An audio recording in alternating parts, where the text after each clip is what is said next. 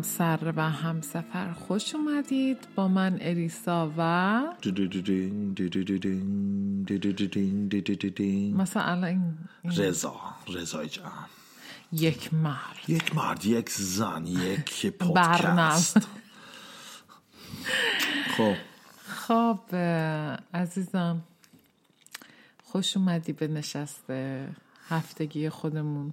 مرسی. تازه از تمرین اومدم خونه و یک کمی ناراحتم به خاطر اینکه گفتن که شاید بازی امسال نشه.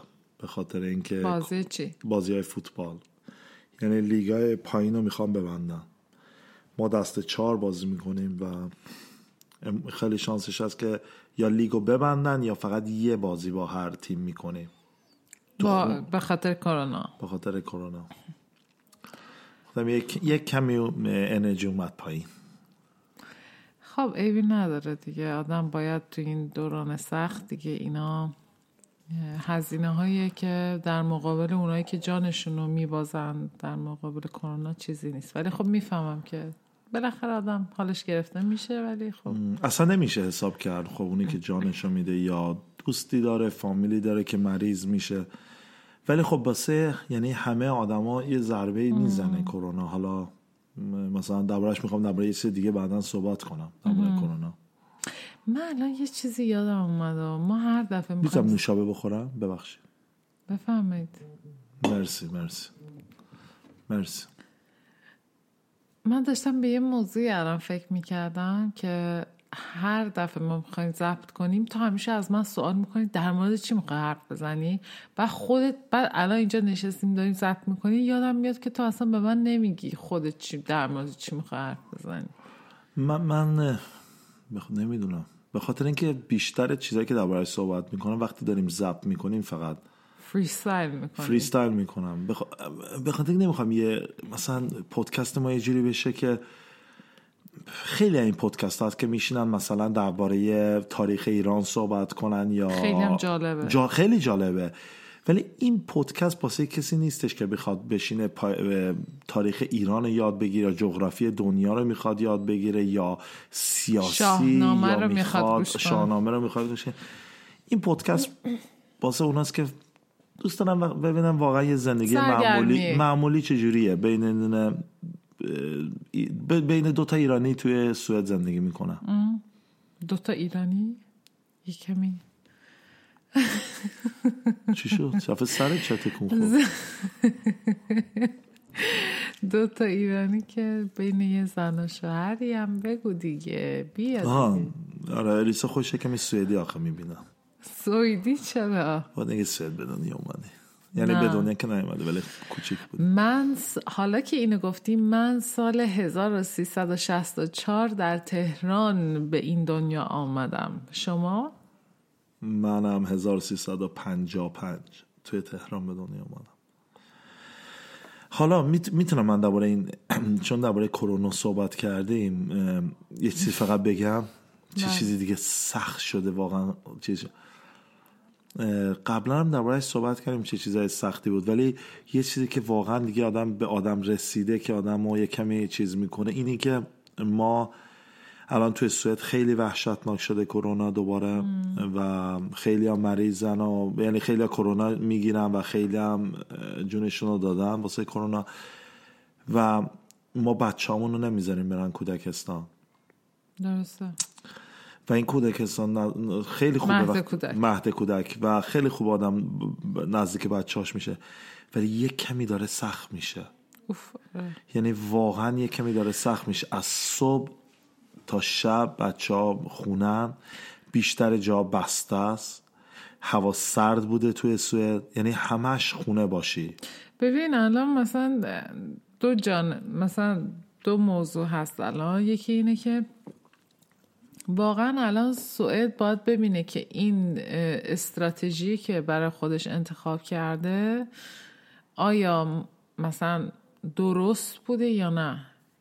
یعنی ما هنوز منتظریم ببینیم که بعد اینکه این بالاخره اگر بگذره یا مهار بشه یا حالا هر اسمی که بخوایم روش بذاریم بالاخره این دوران سخت تموم میشه باید همه کشورها بشینن ارزیابی بکنن. همه کشورها.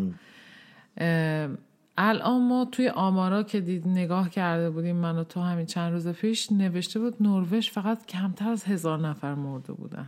درسته. تو فنلاند هم کمتر از فکر کنم 500 فنلاند فنلاند یادم نیست. ولی نروژ کمتر هزار نفر مردن. ولی سوئد چند نفر؟ تقریبا دوازده هزار نفر. دوازده هزار نفر. و خب یعنی ولی خب با این حال از هر کی سوال کنیم میگی دلیلای خودشو داره. یکی دلیلایی میارن که خیلی منطقی هم می‌تونه باشه. اینکه تو در سوئد یهو در مثلا بین سالمندا خیلی پخش شد و اینا. ولی با این حال بعد اینکه این بحران این بحران بگذره کشور باید بشینن ارزیابی بکنن و ما باید ببینیم که آیا این راهی که سوئد انتخاب کرد آیا واقعا خوب بود یا یا نه. حالا مثلا الان داشتم اتفاقا رادیو گوش می‌کردم امروز که گفتن که یه چیزی که خیلی اصلا آدم فکرش نمی‌کنه یعنی من فکرش نمی‌کردم. گفتن که سرطان اینایی که سرطان جدید می‌گیرن خیلی اومده پایین توی وقتهای کرونا. نه اینکه مردم دیگه سرطان نمی‌گیرن. به خاطر اینکه به خاطر اینکه توی تلویزیون و رادیو گفتن که نیایید بیمارستان علکی. یعنی مردم که درد دارن یا چیزی هست مثلا میگه هیچی نیست نمیرم بیمارستان. ولی شاید سرطان مثلا گرفتن و و خیلی مهمه الان برن کمک بگیرن. ولی به خاطر همین کرونا شده که مثلا موندن تو خونه. و استراتژی سوئد که گفتی که مثلا خوبه خوب نیست. منم قبول دارم حرفت. آدم الان نمی‌تونه هیچی دربارش صحبت کنه. بعد وایسیم روزی که مثلا این کرونا دیگه مهار بشه مهار بشه می‌تونیم بشینیم ببینیم. یعنی من و تو که نه که چیز هستن بینن نتیجه گیری کنم. من و تو هم می‌تونیم نتیجه گیری کنیم اگه بخوام درست. ولی خب هستن آدمایی که می‌تونن بیشتر چیز کنن. حالا ما می‌خواستیم در مورد 1364 برگشته بودیم. 1364 در تهران. و اتفاقا یه موضوعی که گفتم با هم بشینیم صحبت کنیم چون اختلاف سنی من تو نه سال میشه دیگه درسته؟ ولی با این حال نکات مشترک زیادی داریم نسل هامون دارم در مورد نسل صحبت می‌کنم. امسال من 36 سالم میشه. من 45 سالم میشه. یعنی دیگه نزدیک 50 دارم یه سوالی بکنم ازت. تو به خودت نگاه می‌کنی یا به خودت فکر می‌کنی؟ احساس می‌کنی چند ساله تو تو ذهنت؟ همیشه مثلا مثلا مثلا 27 می‌شد 28 می‌شد. می‌گفتم چقدر دارم پیر میشم دیگه تموم شد یعنی جوونیم و اینا. بعد یه سنی مثلا یادم نیست چه سنی مثلا 34 35 یادم نیست درست. دیگه زیاد سن واسط مهم نمیشه. نه منم دارم به این مثلا میادش روش خب مثلا هر عیدی میاد یه عید جدیده میاد مثلا خوش اومد. چیکار مثلا آدم حساب می‌کنه شاید 19 تا عید دیگه زنده و این 18 تا موند 17 تا موند. نه شوخی ولی بعد یه مدت دیگه زیاد به سن چیز نمی‌کنی. منم احساس می‌کنم که دارم به یه همچین مرحله ای می‌رسم که دیگه برام زیاد به اون شکل اهمیت نداره. به خاطر اینکه فکر می‌کنم یه دلیلش هم اینه که به یه سری چیزهایی که همیشه فکر می‌کردم باید برسم رسیدم. به همین یه آرامش خاطر دارم الان. که مثلا شاید پنج سال پیش یا ده سال پیش نداشتم. من یادم میاد روزی که 21 سالم شد احساس کردم که داره, داره سنم میره بالا. یعنی احساس می‌کردم سنم داره میره بالاتر. و این همیشه یه چیزی بود که خیلی منو اذیت می‌کرد. و همش استرس داشتم. ولی الان فکر می‌کنم به خاطر اینکه خودم تشکیل خانواده دادم بعد بچه همو دارم همسرمو دارم. اینا و خب خب بعد آدم در زمینه تحصیلیش هم یه سری پیشرفت ها می‌کنه. خود این باعث میشه که آدم به یه آرامش خاصی می‌رسه. ولی می‌خواستم در مورد یک تحقیقاتی صحبت کنم. یه تحقیقاتی شده که میگه که انسان ها اصولا خودشون رو پنج شیش سال کوچکتر می‌بینن. پنج شیش سال چیزی نیست که آخه. مثلا من الان 45 سال مثلا خودم مثل 40 بدونم خود خود مثلا تو الان خودت 39 ساله می‌بینی مثلا. شاید. یا 40 ساله می‌بینی مثلا. نه در مورد ذهن ذهن از اینی که ذهن ما چجوری مثلا یه چیزی که برام خیلی جالبه نمی‌دونم آره یا شنونده های ما هم این حس رو دارن یا نه ولی اینه که مثلا من تو ذهن خودم فکر می‌کنم هنوز مثلا خیلی جوونتر از اونی که هستم. مثلا سی ساله آره مثلا خب کم. مثلا من تو ذهن خودم همیشه فکر می‌کنم مثلا 29 سالمه. خب؟ بعد عکسای همکلاسیامو می‌بینم. خیال می‌کنم اونا خیلی پیر شدن. آره. همیشه هم خیال که خیلی جوون تر مونه مثلا دیدی چی ضربه خور اصلا تمام سر و صورتش دیگه داغون شده. مثلا چند بعد آدم خودشو می‌بینه تو آینه خیال می‌کنه مثلا خیلی جوون مونده. اینجوری حس می‌کنی؟ فکر همه آدم ها این شکلی حس می‌کنن. بعد مثلا اونا رو می‌بینم بعد میگم آه چقدر مثلا بزرگ شده. چقدر سنش مثلا خب تو سوئد دختر پسر همه با هم مدرسه میرن توی یک کلاس. مثلا یه سری پسرا رو پسرای هم کلاس خودم می‌بینم میگم واسه خودش مرده مثلا پدره مثلا برام عجیبه. چرا پسرا رو نگاه می‌کنی؟ یا مثلا دختر. یا مثلا دخترها رو هم نگاه می‌کنم. اه مثلا قیافش مثلا چقدر بزرگ شدن چقدر انگار مثلا پیر شدن. بعد خودم رو می‌بینم و یه جورایی به خودم میام خب اگه اینا اینجوری به نظر میان حتما منم اینجوری هم دیگه. فکر کنم بیشتر آدم ها این شکلی هستن. همین دیدی که داره ولی من می‌خواستم بگم که چرا من حس خوبی دارم از سنم. یعنی من خیلی آدم ها مثلا میگم من دارم پیر میشم میترسن و این چیزا. من موقعی آرامش گرفتم که می‌بینم مادر پدر من خب الان نزدیک 68 سالشونه. 67 و 68 وقتی دیدم که با سنشون که هی میره بالاتر زندگیشون قشنگتر میشه.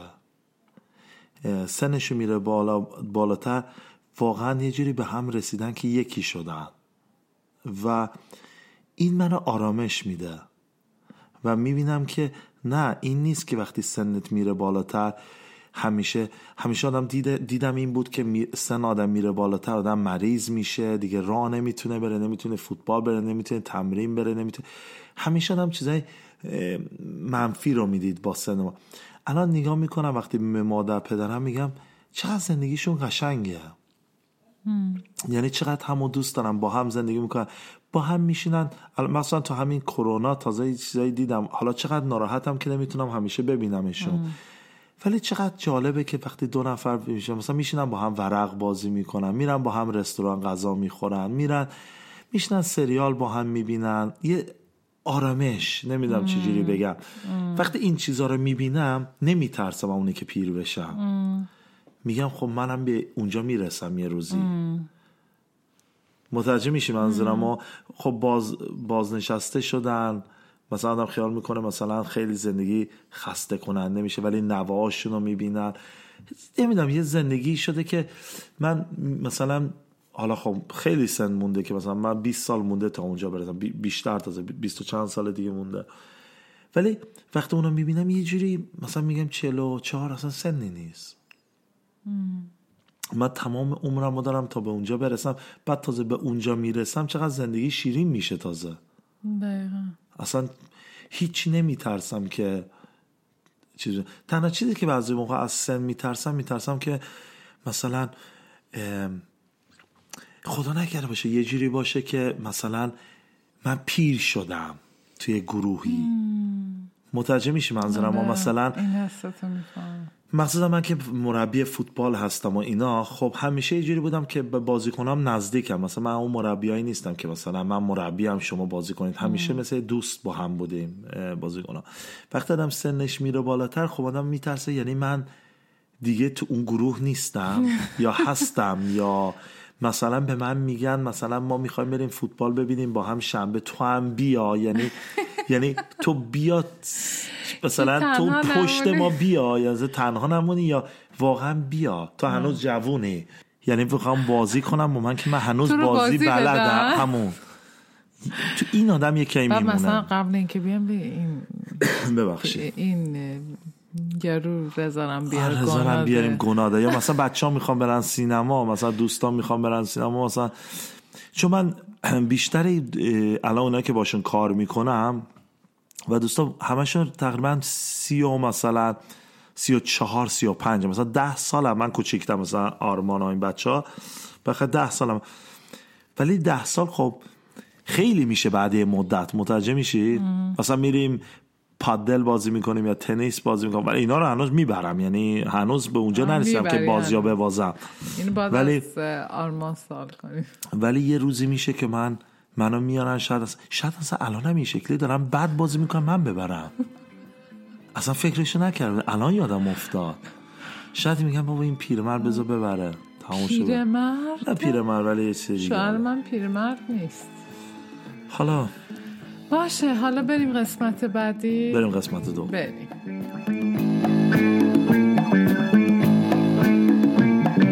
بشنو هم سفر من.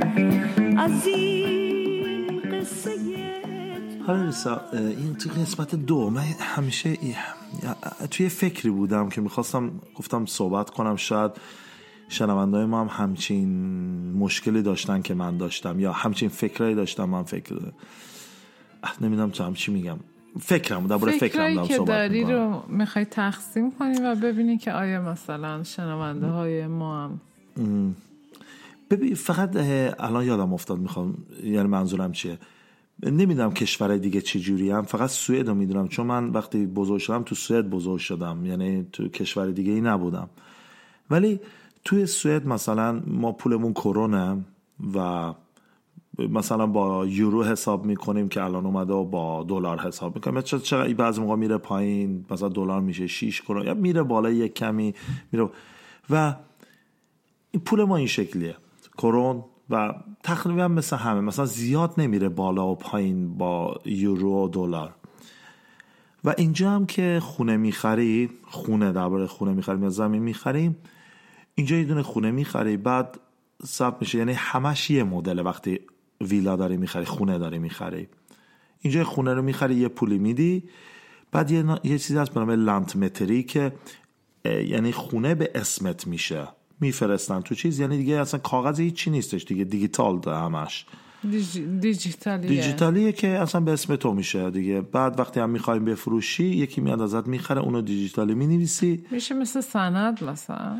یه جور سنده که دیجیتالی یعنی هیچ کس نمی‌تونه اصلا باش مثلا بره کسی بگیره. من باید برم تو چیز کنم که عوضش شده. کنم. مثلا من و تو باید بریم. کسی نمی‌تونه بیاد خونه ما رو اسمش کنه. حالا من من و تو مثلا فکر کردیم که شاید تو ایران بخوایم یه خونه بگیریم یه ویلای بگیریم چون بالاخره کشورمون دوست داریم بریم و بیایم و دوست داریم خودمون یه جایی داشته باشیم و دوست داریم آپارتمان بگیریم. حالا چرا آپارتمان هم دوست داریم یه روزی بگیریم؟ ولی گفتیم مثلا یه ویلا بگیریم که استخری داشته باشیم. یکم این ور رو نگاه می‌کنیم درباره اول در صحبت می‌کنیم یکم جر و بحث می‌کنیم. من دوست دارم اینجا باشم. نه من دوست دارم اونجا رو بگیرم اینجا رو بگیرم. اصلا خیال کردم بزرگترین مشکلم اینه که خونه رو مثلا تو گیلان بگیریم یا تو کردان کرج بگیریم یا تو فیروسکو بگیریم. تو این فکر مثلا اینو حل کنیم دیگه حل شده. حالا آقا من شروع کردم خونه ها رو ببینم. این نه این که مثلا کجا رو پیدا کنیم سند. سند مادر تک سند هزار جور سند هست. خب. و این سندا آدم و سر آدم قاطی. مثلا سند مادر که من شناختم مثلا یه زمین بزرگ بوده. مثلا شاید دارن گوجه می‌سازن تو گوجه میکارن. میکارن توش. بعد گفتن که مثلا نمی‌دونم با یکی شهرداری صحبت کردن گفتن ما این مثلا زمین رو تیکه تیکه می‌کنیم. مثلا خونه به جاش می‌سازیم. بعد سند یعنی مادر میدیم واسه هر. سندی. ولی این سند مادر بعد برید دنبالش یا عالمه که بشه سند تک سند بشه یعنی تک ورق بشه بعد یه چیز دیگه هم شنیدم منگنه دار و اینا اصلا ببین یه دنیاست باسش سند. یعنی اگه بلد نباشی رفتی. حالا من باید بخونم. یعنی مثلا من حالا دانشگاه اینجا خونم هیچی. این مثلا اونو باید بری مثلا سال بری تخصصی بگیری در تخصص سند سند که گول نخوری. حالا اون یه جاش. تفاوت سند مادر و سند منگنه دار در چیست؟ اون یه جا. حالا من نمی‌خوام بگم مثلا تقصیر کیه و تقصیر اصلا درباره این چیزا صحبت نمی‌کنم. فقط درباره مشکل دارم صحبت می‌کنم. یکی توی کشور توی کشور دیگه است. که می‌خواد توی مثلا ایران خونه بگیره و قانوناشو مثلا خوب بلد نیست. مثلا بابای من بلده بابای تو بلده من ولی بلد نیستم. مثلا ما سنه مثلا نسل ما بعدی. این نسلی که ام، نسل آین یعنی نسل بعدی که حالا این یه مشکل واسه خودش اصلا که هزار تا. حالا مشکل بعدی این چیه؟ پول. پول فرستادن. یه دفعه یه روز میشه دو هزار تومن. یه دفعه روز بعدی مثلا یک میشه مثلا دو هزار تومن. یه دفعه روز بعدیش میشه سه هزار تومن. میگی بفرستم الان؟ خوبه بذارم تو حساب. یه دفعه چی؟ یه دفعه پول می‌خوره رو سرش. میاد پایین. یه دفعه میره بالاتر دوباره. یه دفعه همون خونه که می‌دیدی مثلا سه, می- سه میلیارده شده 6 میلیارد. اصلا می‌دونی هیچ کس زنجیری با هم نمیرن بالا. ثبات نداره دیگه به خاطر یعنی می‌تونی شانسیه. مثلا می‌تونی پولتو بفرستی. ایران بذاری تو بانک. اگه شانس داشته باشی قیمت ها میاد پایین. یعنی کروم میادش پایین و می‌تونی خونه. ولی اگه بد شانسی داشته باشی پولتو بذاری تو حساب اونجا وقتی می‌خوای خونه دفعه پولت نصف شده. اگه بد شانسی داشته باشی. یعنی مثلا کرونی خب، بود که مثلا دو سال پیش آدم- 400 تومن دفعه شده 3000 به جایی تومن. که آدم روی این مثلا تمرکز کنه که قیمت چقدر بالا می پایین میره آدم می‌تونه مثلا بیشتر روی این نگاه کنه که قدرت خریدت چقدره. یعنی مثلا بگیم خب تو یه پولی می‌ذاری بانک اون پول نصف میشه. ولی آیا تو می‌تونی با اون پولی که نصف شده مثلا همون خونه رو بخری؟ نه دیگه مثلا الان قدرت خ... یعنی تاثیر روی قدرت خرید هم می‌ذاره مثلا اگر این, این inflation دیگه تو داری در. موردش صحبت می‌کنی که بر اساس تحریم هایی که ایران شده خب این طبیعه این اتفاق در مسائل اقتصادی خب قدرت خرید چجوری میشه؟ مثلا بگیم که یه خونه مثلا بگیم که تو یه خونه نگاه کردی سه میلیارد. بعد یهو می‌خوره رو سر چیز.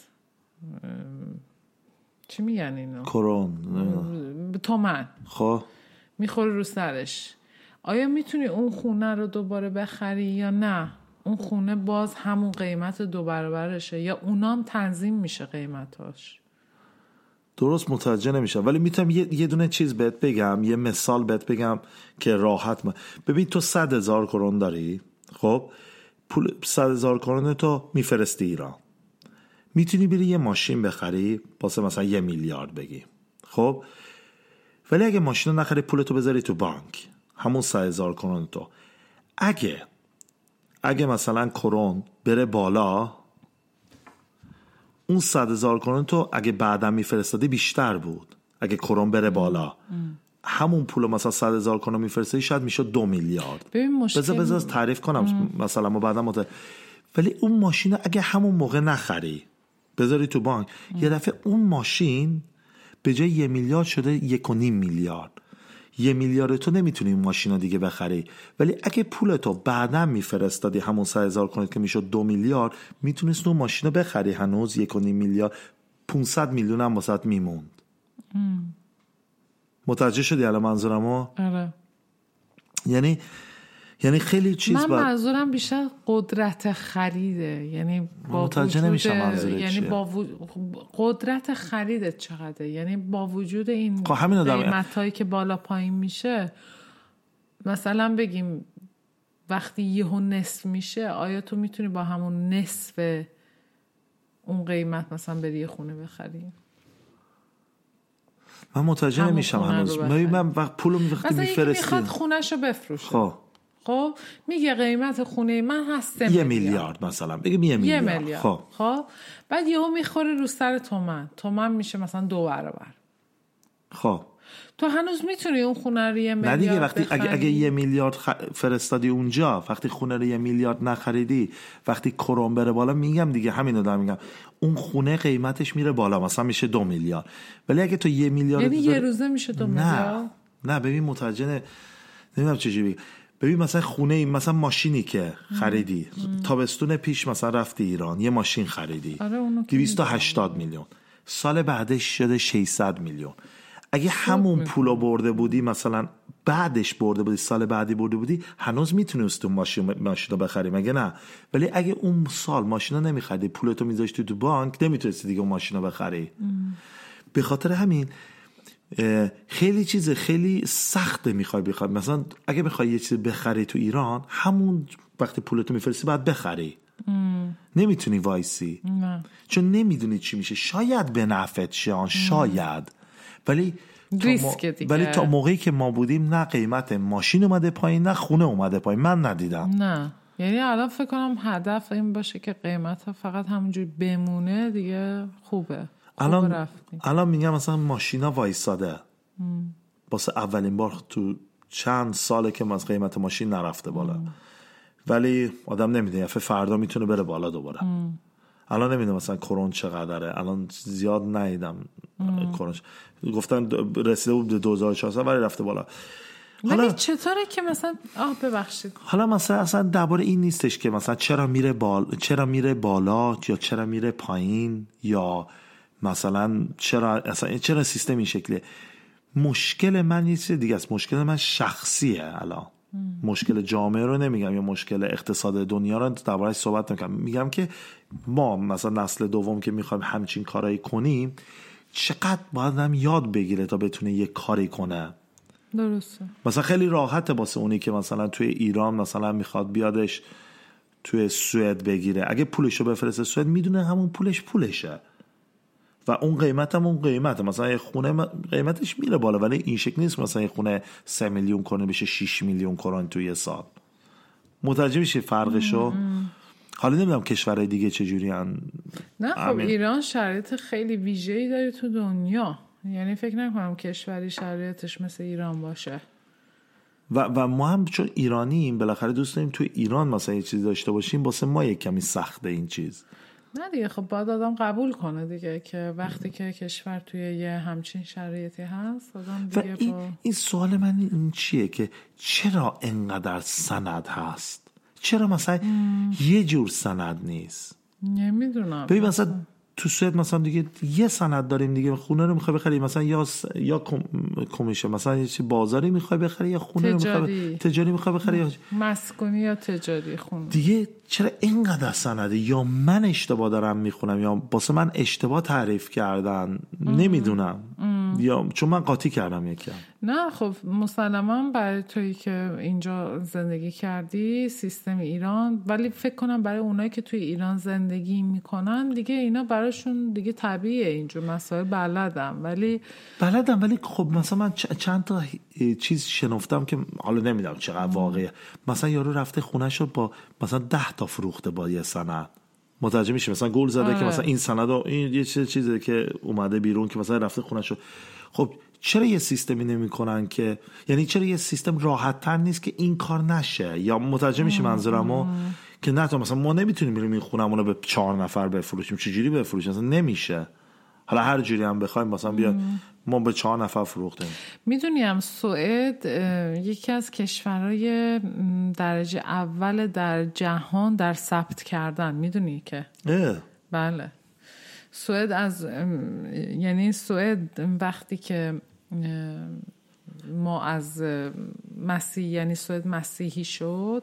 ارتباط دولت با کلیسا جوری بودش که اینا می‌خواستن به خاطر اینکه می‌خواستن مالیات مثلا بگیرن کاری که می‌کردن اینه که همه شهرونداشون رو به طور خیلی دقیقی اینا ثبت می‌کردن. یعنی الان تو سوئد تو اگر مثلا اصل و نسب سوئدی باشه تو می‌تونی حتی مثلا ده نسل تو تو این کتابچه هایی که اینا ثبت کردن پیدا کنی. طرف اسمش چی بوده؟ از کدوم روستا اومده؟ مثلا چند تا بچه داره؟ چند بار ازدواج کرده؟ مثلا اینجور شد. یعنی ثبت فضول احوال. فضولم. همه چیز می‌دونم. نه مالیات عزیزم. مالیات. یعنی این یکی از پایه های این کشور که من فکر می‌کنم ایران خیلی در این زمینه می‌تونه از سوئدی یاد بگیره موضوع مهمی مثل مالیات ولی خب آدم بعدم بگه مثلا این کشور سوئد مثلا جد آبادش داره می‌دونه مثلا چند میلیونم بودن؟ مثلا می‌دونی یکی کنترلش راحت تره تا نه، مثلا یک کشوری آره. که ایران بگو سی میلیون بودن. نه من بیشتر مثلا به عنوان کسی که علوم سیاسی می‌خونم فکر می‌کنم مثلا من نگاهم به کشورم اینه که خب مسلما در زمینه مالیات خیلی بیشتر کارها میشه کرد. صد سال پیش ایران مثلا چقدر آدم بود؟ زندگی می‌کردن؟ 20 میلیون. آره دیگه. سوئد فکر کنم چقدر سه میلیون. چهار میلیون. آره جمعیتشون زیاد نیست. زیاد نبودش. منظورم بخاطر یه به- کمی به راحت. موضوع سوئد جمعیتش نیست. موضوعش بیشتر اون جایگاهی که نگاهی که به موضوع مالیات داشت و خود این باعث شد که ثبت احوال سوئد یکی از قوی ترین ثبت ثبت احوالای دنیا حساب میشه. به خاطر همین من حالا می‌خواستم وقتی می‌خوام تموم کنم یعنی درباره اینو این بودش که چقدر خوب می‌شد اگه یه شرکتی وا می‌شد واسه کمک کردن واسه نسل دو و سه و چهار که می‌خوان توی خونه مثلا مثل همینجوری که ترکیه چیز کرده که خونه داره میفروشه به همه. چقدر خوب می‌شد. بیرون کشور شرکت هایی وا می‌شد که کمک می‌کرد واسه خونه خریدن توی ایران. و فقط هم اون نه کمک می‌کرد واسه بچه هایی که شناسنامه ندارن یا پاسپورت ایرانی ندارن. چقدر واقعا خوبی شد و فکر کنم هم لازمه. ما الان تقریبا چهار تا 6 میلیون ایرانی بیرون, بیرون کشور دارن زندگی می‌کنن. و تازه نسل دو سه که مثلا نصف ایرانی شدن یا یک چهارم ایرانی شدن اصلا حساب نمی نه دیگه به خاطر که- اصلا بعضی شناسنامه ایرانی ندارن. نه دیگه اونا هیچ ارتباطی هم با ایران ندارن؟ ایرانی حساب نمیشه. ولی خب فارسی بعضیا صحبت می‌کنن. بعضیا بهش ازش هم بپرسی خوشونه ایرانی می‌بینن. شاید داره و بالاخره یه ایده بودش که مثلا. پیشنهادیه که یکی یه شرکتی وا کنه ولی خب قوی که مثلا بتونه واقعا کمک کنه و آدم بدون گول نمی‌خوره داره چیز می‌کنه. اوکی. اوکی؟ همینجوری اوکی؟ مرسی از اطلاع یعنی رسانی این ایده قشنگ فقط یه اوکی آخرش نه،؟ واقعا ما رو میگه. این. همه داریم یه رو بدارم در صحبت می‌کنم که فقط اوکی. اوکی. very nice. Very nice. بریم قسمت سه. اوکی. اوکی.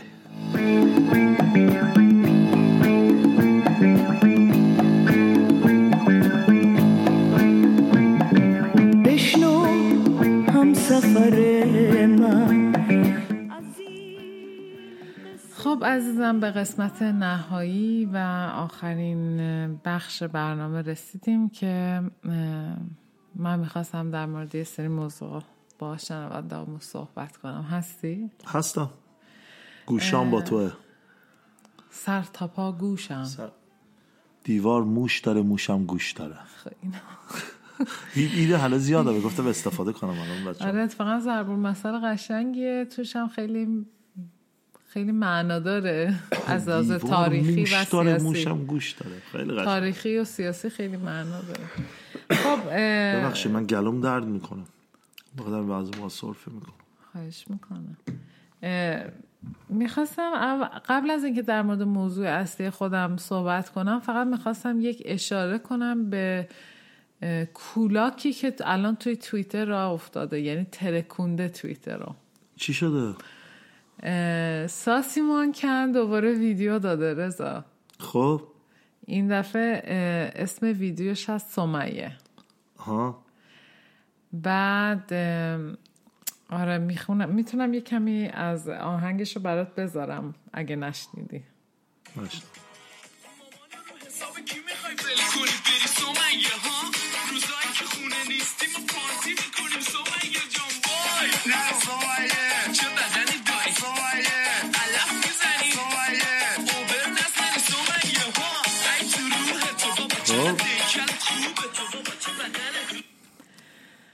خب دیگه این آهنگ طبق معمول ساسی مانکن ترانه آهنگ درست می‌کنه و طبق معمول دیگه میتره کنه دیگه همه شروع می‌کنن به منتشر کردن و عکس العمل نشون دادن. می‌خواستم ببینم که نظر تو در مورد این موضوع چیه؟ ببین نظر من همون اون درباره ساسی قبلا هم صحبت کردیم درباره اون شعر دکترش بود نمی‌دونم چی بودش که آره، میگفتش به. بچه ها درس نخونید و شد بزنین و شات بزنید به الان میگه. علف می‌زنی سمیه مثلا مامان بابات خونه نیستن پارتی بزنی پارتی بزن. مثلا این چیزا مثلا پارتی بذار سمیه بدنت این چیزا زیاد چیز نیست مثلا واسه من عجیب مثلا تو هر ش... تو سوئد هم گوش می‌کنی تو انگلیس هم گوش می‌کنی انگلیسی هم گوش می‌کنی آره اینا. ولی ولی اه، من سوال کردی یا. ببخشید ولی یه چیزی که من میگم شعر شاد و قشنگ مثلا بعضی چیزها رو آدم باید یاد بگیره که میگه این آدم آخه چرا میگه؟ سوال اینه که چرا میگه؟ و چرا هدفش کودکان هستن؟ این برای من موضوع. از ببین کجا الان کودک نمیگه. به خاطر اینکه میگه که مامان بابات خونه نیستن نمی‌دونم. بعد مثلا. دنبال بچه هست. آه. دنبال بچه های یعنی قشنگ مشخصه. مثلا توی ویدیوهاش مثلا دخترهایی که تو ویدیوهاش هستن مثلا مغنعه دارن مانتو میپوشن. یعنی قشنگ بچههایی که مدرسه میرن توی. درسته درسته. یا مثلا بچه های خیلی کوچیک مثلا توی یک مبل نشسته بود یه پسر هشت ساله با مثلا پرنستارای مثلا خانومای خیلی سندار که خود کارشون اصلا این اینه. من میگم که اصلا من مشکلی ندارم مثلا خب ما می‌بینیم تو آهنگای مثلا امریکایی هستن مثلا کاردی بی هست نیکی میناش هست نمی‌دونم رپر سنوپ داگ هست همه اینا هستن که خب موزیک ویدیوهای خیلی مثلا از اینم بدتر شاید. ولی اونا مخاطبشون کودکان نیست. ممکنه بچه ها ببینن اینا رو و خوبم نیست ببینن ولی ممکنه ببینن. ولی مخاطبشون کودکان نیستن. این قشنگ یعنی مشخص می‌کنه که با کی داره حرف می‌زنه. و این به نظر من خوب خوشحالم از اینکه جامعه ایرانی واکنش نشون میده به این موضوع. نمی‌دونم دیدی یا نه ولی یه هنرپیشه ایرانی بود خانم یادم نمیاد اسمشون. ولی گفت من به عنوان مثلا یه مادر احساس مسئولیت می‌کنم احساس وظیفه می‌کنم که بیام بگم و نقد کنم این کار رو. من فقط تنها مشکلم در واقع با این کارش نه خود ساسی مانکن بلکه کارش اینه. خب ببین به خاطر اینکه مشکل من اول بگم درباره این خیلی چیزا الان تو فکرمه. فقط شروع کنم. مثلا این فیلم هایی که درست می‌کنن یا بازیهایی که واسه تو پلی استیشن درست می‌کنن واسه بچه ها که آدم می‌کشن این چیزا هم اینا ولی خب اینا نوشته مثلا از 15 سالگی نگاه کنید یا از 16 سالگی. ولی موزیک یعنی من تا حالا نشناختم هیچ موزیکی تو دنیا مثلا بنویسه که مثلا از 18 سالگی گوش کن. موزیک چیزی که همه سنا گوش کن. این اولین مشکل در از شاید موزیکه. تا خواننده ها که سن نذاشتن رو این چیزا. چون هم فیلم گذاشته هم بازی گذاشته. اون شرکت های بزرگ تولید موسیقی. آره ببین آدم نمی‌تونه هیچ کنترل کنه فیلمو کی می‌بینه یا بازی ها کی می‌کنه. ولی مادر پدر می‌تونن به بچه هاشون بگم مثلا نوشته اینجا از 16 سالگی یا 17 سالگی می‌تونه 18 سال هر چه باشه. موزیک اصلا این چیزا نداره که مثلا می‌تونی از 18 سالگی شروع کنی گوش کنی. یه اولی مشکله دومین مشکلی که من می‌بینم واسه ساسی اینه که من فکر کنم می‌خواد به یه سری به یه گروه هایی برسه و خیلی مثلا توی ایران مثلا سنای بالاتر که اصلا به ساسی گوش نمی‌کنن شاید بیشتر مثلا شاید هنوز به ابی و از این چیزا گوش می‌کنن مثلا چیزای داریوش و دیگه به گوگوش و نه مثلا دارم سنای بالاتر رو میگم. اونا گوش می‌کنن. و شاید سنای وسط هم مثلا به یه سری دیگه گوش کنن. شاید اصلا گروهی که به احساسی گوش می‌کنن توی ایران مثلا بچه ها باشن و جوونا باشن به خاطر همین باسه اونا هی می‌خواد بخونه. جالبی اینه که توی توییتر اه، یه خواننده دیگه هست به نام شاهین نجفی نمی‌دونم میشناسش یه خواننده یه که سالهاست از ایران رو ترک کرده اومده بیرون و خیلی آهنگای سیاسی و انتقاد مثلا فرهنگی و اینجور چیزا می‌کنه از ایران. و این آقا همین اصلا اتفاقی که الان توی توییتر افتاده که آدم می‌تونه دنبال کنه و جالب دنبالش دنبال کردن از لحاظ اجتماعی اینه که این آقا اومده گفته که مثلا آره مثلا بیا تحویل بگی بفرما. و الان دو تا گروه شده تو توییتر مثلا میگه من طرفدار مثلا ساسی ساسی هم یکی میگه من طرفدار شاهین نجفی هم نمی‌دونم فلان و اینا. ولی به قول تو حرف خوبی می‌زنی. اینکه یکی اومد یه کامنتی که نوشت که برام چیز بود گفتش که چیزی من دارم با دانش آموز یه معلمی بود یه خانم بود معلم بود تو ایران. میگه که واقعا همه دانش آموزا همه بچه ها ساسی رو می‌شناسن. می‌شناسم گوش می‌کنم کسی شاهین نجفی رو نمی‌شناسه نمی‌شناسه؟ حتی تو هم نمی‌شناسی منم نمی‌شناسم. خب ولی همه بچه ها دارن گوش می‌کنن. و من واقعا به عنوان مثلا یه ایرانی میگم که والا درود به شرفت.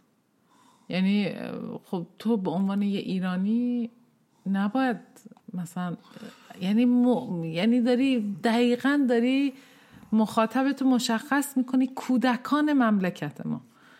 و اینجا من فکر می‌کنم آدم باید یه کمی احساسه می‌دونیم ما حالا از یه طرف دیگه برو یه مشکل دیگه رو ببین. من واسه وا می‌کنم. حالا ساسی داره شعراشو می‌خونه. تو تمام جشن ایرانی هم می‌ذارن و مردم میرقصن و چون موسیقیش, موسیقیش قشنگه قشنگه. ریتمش قشنگه حرفاش خیلی زشته فقط می‌دید چی جالبه که آدم باید نگاه کنه؟ چرا جوونا تو کود... کودکای ما دارن به ساسی گوش می‌کنن؟ به خاطر اینکه موسیقیاش قشنگه کارش قشنگه ریتمش قشنگه. مثلا ویدیوهاش؟ نگاه می‌کنی قشنگه آدم جذب میشه. بذار همه سو... چرا خواننده های دیگه چیز این بچه ها رو نمی‌تونن بگیرن؟ چون تو اگه مثلا این کلماشو برده برو مثلا چمن بکش چی گفتی یا علف. علف بکش و یا مثلا این کارو کن درس نخون برو شوت بزن. بکش. چه می‌دونم چی. ولی موزیکیش قشنگ. موزیکیشو گوش کنیم قشنگ و بس. صداش خوب و اینا همه چیز. چرا خواننده های دیگه نمی‌تونن جاشو بگیرن؟ شاید اون پولی که شاید- ساسی داره بقیه ندارن. چون خیلی هزینه میشه روی ویدیوهاش. ببین موز... ببین بالاخره خب آدمایی هستن که می‌تونن بخونن ریسا. آره. خب چرا؟ چرا اونا نمی‌تونن؟ این می‌تونه. سوال دیگه. به خاطر اینکه می‌دونه چجوری به اونا برسه. ایده داره.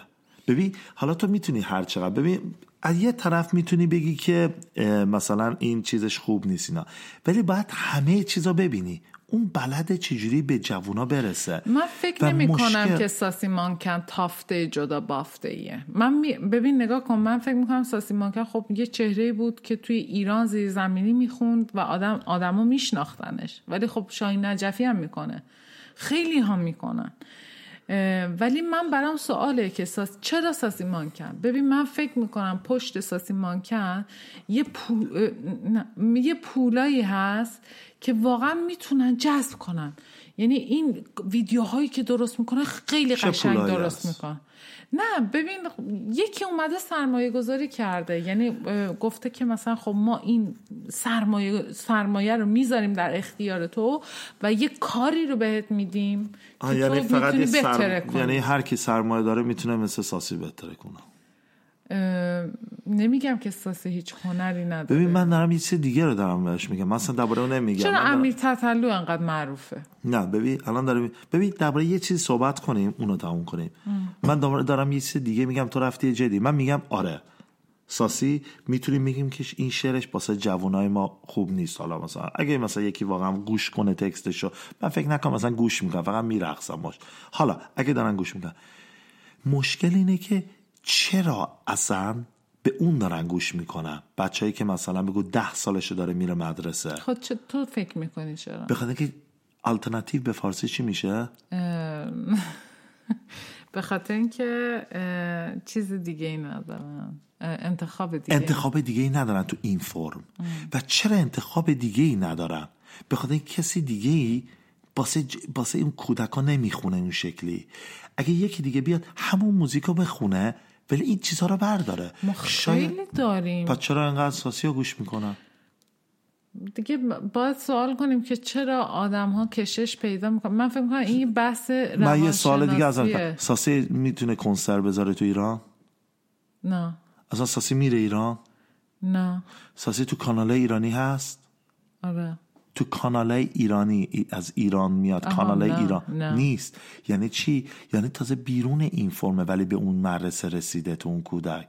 آره. خب اکثر ایرانیا که به چیز ماهواره نگاه حالا می‌کنن. تا به- ولی بالاخره یعنی یه جوری به اونا رسیده با این همه که مثلا نمی‌تونه باشه. نمی‌تونه بیاد تو کشور نمی‌تونه کنسر بذاره. فکر نکنم سیدیاشو بتونن تو مغازه بفروشن همینجوری. آره ببین چه تأثیری می‌ذاره. ببین پس چه جوری رسیده. یعنی بالاخره یه جوری به اون, بچه ها رسیده و من تنها چیزی میگم که این چون تو که نمی‌تونی حالا تو مثلا من و تو بشینیم بگیم چقدر ساسی مثلا این حرفش بعد عوض کن حرف اون شعر بعدیش هم می‌خونه و به کودک ها می‌رسه. تنها چیزی که ما می‌تونیم چیز کنیم که می‌تونیم به مادر پدرها بگیم سعی کنید وقتی چیزای حرفای بدی تو شعر بچه هاتون رو استوب کنید در اینی که گوش می‌کنن. اونم کار راحتی نیست. خودمون می‌دونیم. یه موبیل دستشونه بیرون خونه هم میرن سر گوش می‌کنن اگه بخوان یا دوستاشون دارن هرچه باشه. نه خدا کنه خواننده‌های در دیگه- موردش صحبت کنه. صح- یعنی بشینه صحبت کنه با بچه ها که چرا؟ نه اینکه فقط بگه که نه گوش نکن خوب نیست عیبه. نه منظور من این نیست. آدم خب با بچه هاش صحبت می‌کنه. چرا مثلا ما اینو قبول نداریم. چرا ما اینو زیر سوال می‌بریم؟ دلیل قشنگ بشینیم با هم گوش کنیم و دلیلاشو بیاریم. درسته. با بچهتون حرف بزنیم. و همینی که ما تنها چیزی که می‌تونیم بگیم که اینی که واقعا به تکست ساسی گوش کنید چون موزیکش قشنگ. شاید من و تو اصلا باش برقصیم. مثلا یه روز رفته باشیم بیرون موزیکش بیاد ما داریم میرقصیم. مثلا فکرش هم نمی‌کنیم مثلا ساسی یفه.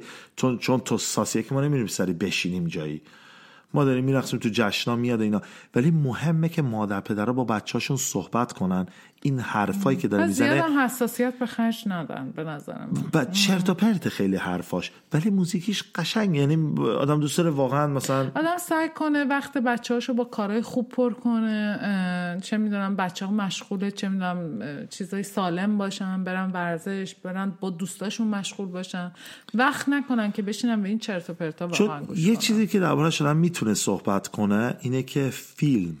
و بازی های نه فیلم فیلم. فیلم های سینمایی یا سریال ها یا بازی های PlayStation و Xbox رو بچه ها خیلی کار می‌کنه. یعنی شده که مثلا یارو رفته چون یه بازی رو دیده رفته آدم خیلی بیرون توی کشته. امریکا این همه رفتن مدرسه ها رو چیز شلیک کردن به هم کلاسی هاشون و اینا. و یه سن‌هایی هستش آدم بالاخره تو زندگیش منم 13 14 15 سالم بود تو هم بودی. و امکانش هست مثلا شاید یه بچه از هزار تا بچه واقعا به تکس گوش کنه و خوشش بیاد. و این خیلی خطرناکه و تنها کاری که من دوباره میگم باید مادر پدرها با بچه هاشون صحبت کنن و با هم بشینن یه بار گوش کنن. ببین این چی میگه؟ حرفاشو گوش می‌کنی داره چی. میگه؟ که واقعا بیشتر آدم چشاشون واشه که این آقا داره چی می‌خونه. حالا من می‌خواستم خواهش کنم ساسی اگه بتونه یه بار بیاد تو پادکست ما با هم صحبت کنیم. یه شوت بزنیم یه دونه دیگه چی؟ چمن. بکشیم و نمی‌دونم چیکارا کنیم با هم. مادر پدرمون بره یه پارتی بذاریم اینجا با هم. گود بای پارتی بذاریم ساسی جان. نه ولی من ولی ساسی واقعا حالا می‌دونم که شاید پادکست ما که هیچ اصلا گوش نمی‌کنه وقت نداره پارتی و مارتی و این چیزا.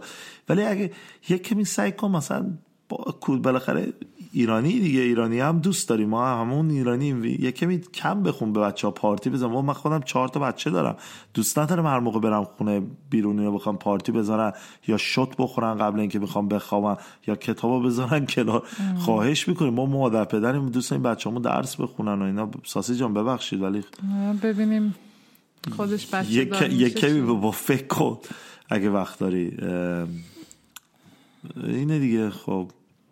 آره. ولی من می‌خواستم اتفاقا در مورد این موضوع دیگه ای صحبت کنم ولی خب دیگه ما به آخر سریع بگو، وقتمون- سریع نه بگو. نه نمیشه سریع بابا نمیشه یه سری بگو دیگه. مگه چیه؟ مگه مثلا-. شابه است سریع بگو بخور نمی‌دونم یعنی تموم شد آره خیلی رضا تو با من کل کل کردی سر این موضوع اساسی اصلا خورد کرد. آره واقعا ساسی وقتی گفتش که علف بکشید و چمن بکشید ساسان فکر کنم اسمش ساسانه در واقع. حالا مهم نیست. ولی بالاخره مواظب بچه هاتون باشیم ما دیگه با به بچه‌هاتون نه مواظب مواظب کافی نیست. صحبت کنید. حرف بزنیم با بچه‌هاتون. صحبت, کنید. وقتی می‌خواید بشینید شام بخورید چرت و پرت آدم نباید بگه. بعد هم در چیز مهم باشون صحبت. ببخشید میگم چرت و پرت یعنی نه اینکه چرت و پرت شما صحبت می‌کنه. ولی مهمه درباره این چیز آدم با هم صحبت نه کنه. واقعا من, من واقعا به جای اینکه بشین در مورد موضوعی که هیچ معنایی نداره اتفاقا می آدم می‌تونه بشینه در مورد یه همچین آهنگی همچین شخصی بشینه تحلیل کنه. آقا قضیه این چیه؟ چرا اینجوری می‌کنه؟ چی داره میگه اصلا؟ حرفش چیه؟ حسابش چیه؟ بالاخره ما به آخر برنامهمون رسیدیم. از شنونده های عزیز خیلی خیلی خیلی تشکر می‌کنم که در تا حالا با ما بودین. منم خیلی تشکر می‌کنم و میریم تا هفته بعدی. هم بریم. تا هفته. قشنگ. قشنگ.